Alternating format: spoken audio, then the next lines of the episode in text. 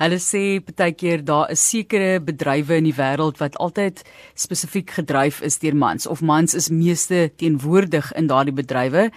Uh, ek kan aan baie dink en as 'n mens dink aan die digitale rigting is dit baie keer ook die geval dat daar meer mans betrokke raak by IT as vroue En ons bespreek vandag die digitale geslagsgaping. Hoekom is dit die feit? Verlede week was die internasionale dag van inligting en kommunikasie tegnologie vir meisies en Colette Jenus gesels nou met ons oor Suid-Afrika se digitale geslagsgaping en hoe dit aangespreek moet word. Die rol van vroue in inligting en kommunikasie tegnologie. Sy is die adjunkregistrateur akademie by Boston City Campus. Baie welkom Colette. Goeiemôre Martelies, baie dankie. Goed, en die vraag is altyd, hoekom is dit belangrik? Hoekom kan dit nie net almal mans wees wat in, in IT betrokke is en hier en daar 'n paar vroue wat ook verteenwoordig nie? Martelies net om so 'n bietjie agtergrond vir die luisteraars te gee. Ehm um, van jare is reeds die 10de herdenking van die internasionale dag van inligting en kommunikasie. Ons noem dit sommer in kort IKT. Die dag word tradisioneel gevier op die 4de donderdag van uh, April elke jaar.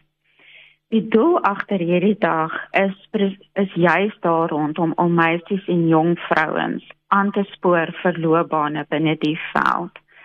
Tegnologie speel vandag natuurlik 'n baie sentrale rol in ons lewens en in die werksplek en hierdie dag beklemtoon ons dan nou net vir ons die insluiting van alle geslagte binne hierdie beroepsveld. En as mens dink, goed, kom ons vat net gou iets heeltemal eenvoudigs, nê, soos 'n speletjie of 'n webblad of hoe dit ook al sê, dat 'n mens dink die wêreld word ook verteenwoordig op daardie platform en indien jy nie vroue 'n diversiteit van sienings ook op daai platform het nie, kom die siening ook net van een tipe van groep af. En dit is nie dat 'n mens daai groep wil afbreek nie, dit is maar net hulle perspektief. Kan ek daai afleiding ook maak dat dit vir daardie rede belangrik is?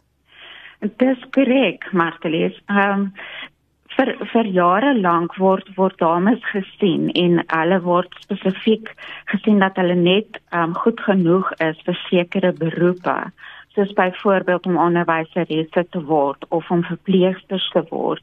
Maar daar is 'n baie baie groot tekort aan dames binne die wiskunde, die wetenskap, tegnologie en ingenieurswese beroepe. En die laagslaagsyfers wat ons sien in hierdie vakke, byvoorbeeld die afname in die slaagsyfers van fisiese wetenskap ehm um, dra daartoe by in die wiskundeslaagsyfer wat so laag is. En dit is vir ons in die akademie spesifiek baie bekommerend op ek want wiskunde se slaagsyfer is maar slegs 30% en dit dra by tot die dames se min verteenwoordiging binne hierdie bedryf want die, dit is 'n vakke wat mans maar meer aangespoor word om te neem as wat jou dames aangespoor word om te neem. Colet, hierdie dag, dis nou die dag van inligting en kommunikasie tegnologie vir meisies uh, of vroue, jong vroue. Waarom word die dag as belangrik beskou vanuit 'n geslagsbewusmakingsperspektief? Johan terwyl meisies nog steeds wêreldwyd beter presteer in vakke soos byvoorbeeld literatuur en lees en skryf geletterdheid, is daar nog steeds 'n tekort in die verteenwoordiging van meisies, soos ek reeds genoem het in jou wetenskap, tegnologie, ingenieurswese en wiskunde rigtings. Hierdie vakke is baie belangrik vir 'n loopbaan binne 'n digitale omgewing. Veral nou terwyl ons in die 4de industriële revolusie beweeg waar tegnologie so ongelooflik baie vinnig verander en dit word net al hoe meer belangriker en ons het dit nou gedurende ons sien dit nou gedurende die tydperk van COVID-19 sien ons dit ook net al hoe meer hoe belangriker tegnologie raak. So kom ons gesels gou vinnig net voordat ons kyk na die status quo in Suid-Afrika, gaan ons net praat oor internasionale dag van inligting en kommunikasie tegnologie vir meisies, jong dames. Hoekom is dit belangrik en op watter manier is dit dan gevier, die tipe van gesprekke wat daar gevoer is? Die gesprekke wat maar ehm um, jaarliks hier rondom gevoer word, is regtig waar om jong meisies en dames aan te moedig om hierdie beroepe na te streef en om die gapings wat daar bestaan in die werksplekke toe te maak.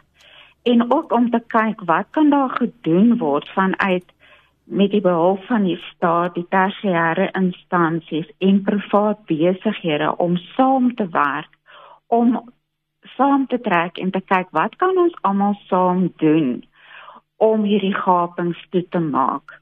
En ek dink dit is baie belangrik om ook te kyk vanuit die akademie wat reeds gedoen word.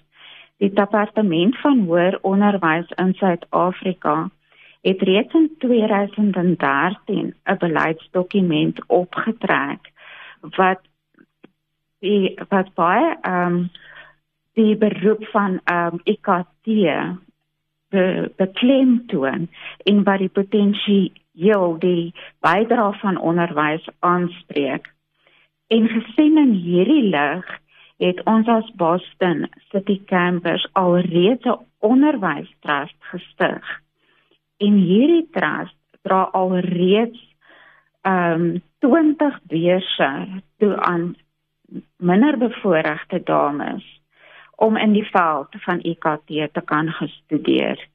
En so nooi die departement dan alle ander instansies ook uit en die besigheidsveld om beurse toe te ken aan jong dames om binne die veld te gaan studeer. So hoe lyk sake tans in Suid-Afrika? Is daar enige vorm van statistiek wat ons na kan kyk? Ons het nie regtig vir statistiek ehm um, daadwerklik ehm um, wat ons kan gebruik nie. Maar wat ons wel weet is dat dames regtig waar onderverteenwoordig is in Suid-Afrika. Ehm um, en dit kan ons toeskryf aan die swak aanslaagsyfers soos wat ek reeds genoem het in Suid-Afrika. Ehm um, maar te lees en dit is regtig waar vir ons bekommerenswaardig. En ons sien dat ehm um, meisies regtig waar op skool, maar meer jou ehm um, ons noem dit maar jou jou sagte vakke soos ehm um, taal jou tale neem en jou nog steeds die huishoudkunde en daai tipe van vakke en hulle word nie aangemoedig om hierdie harde vakke soos jou ingenieurswese en jou tegnologiese vakke ehm um, te vat nie. Colette Hunes met wie ons gesels at Jong Registrateur Akademie by Boston City Campus.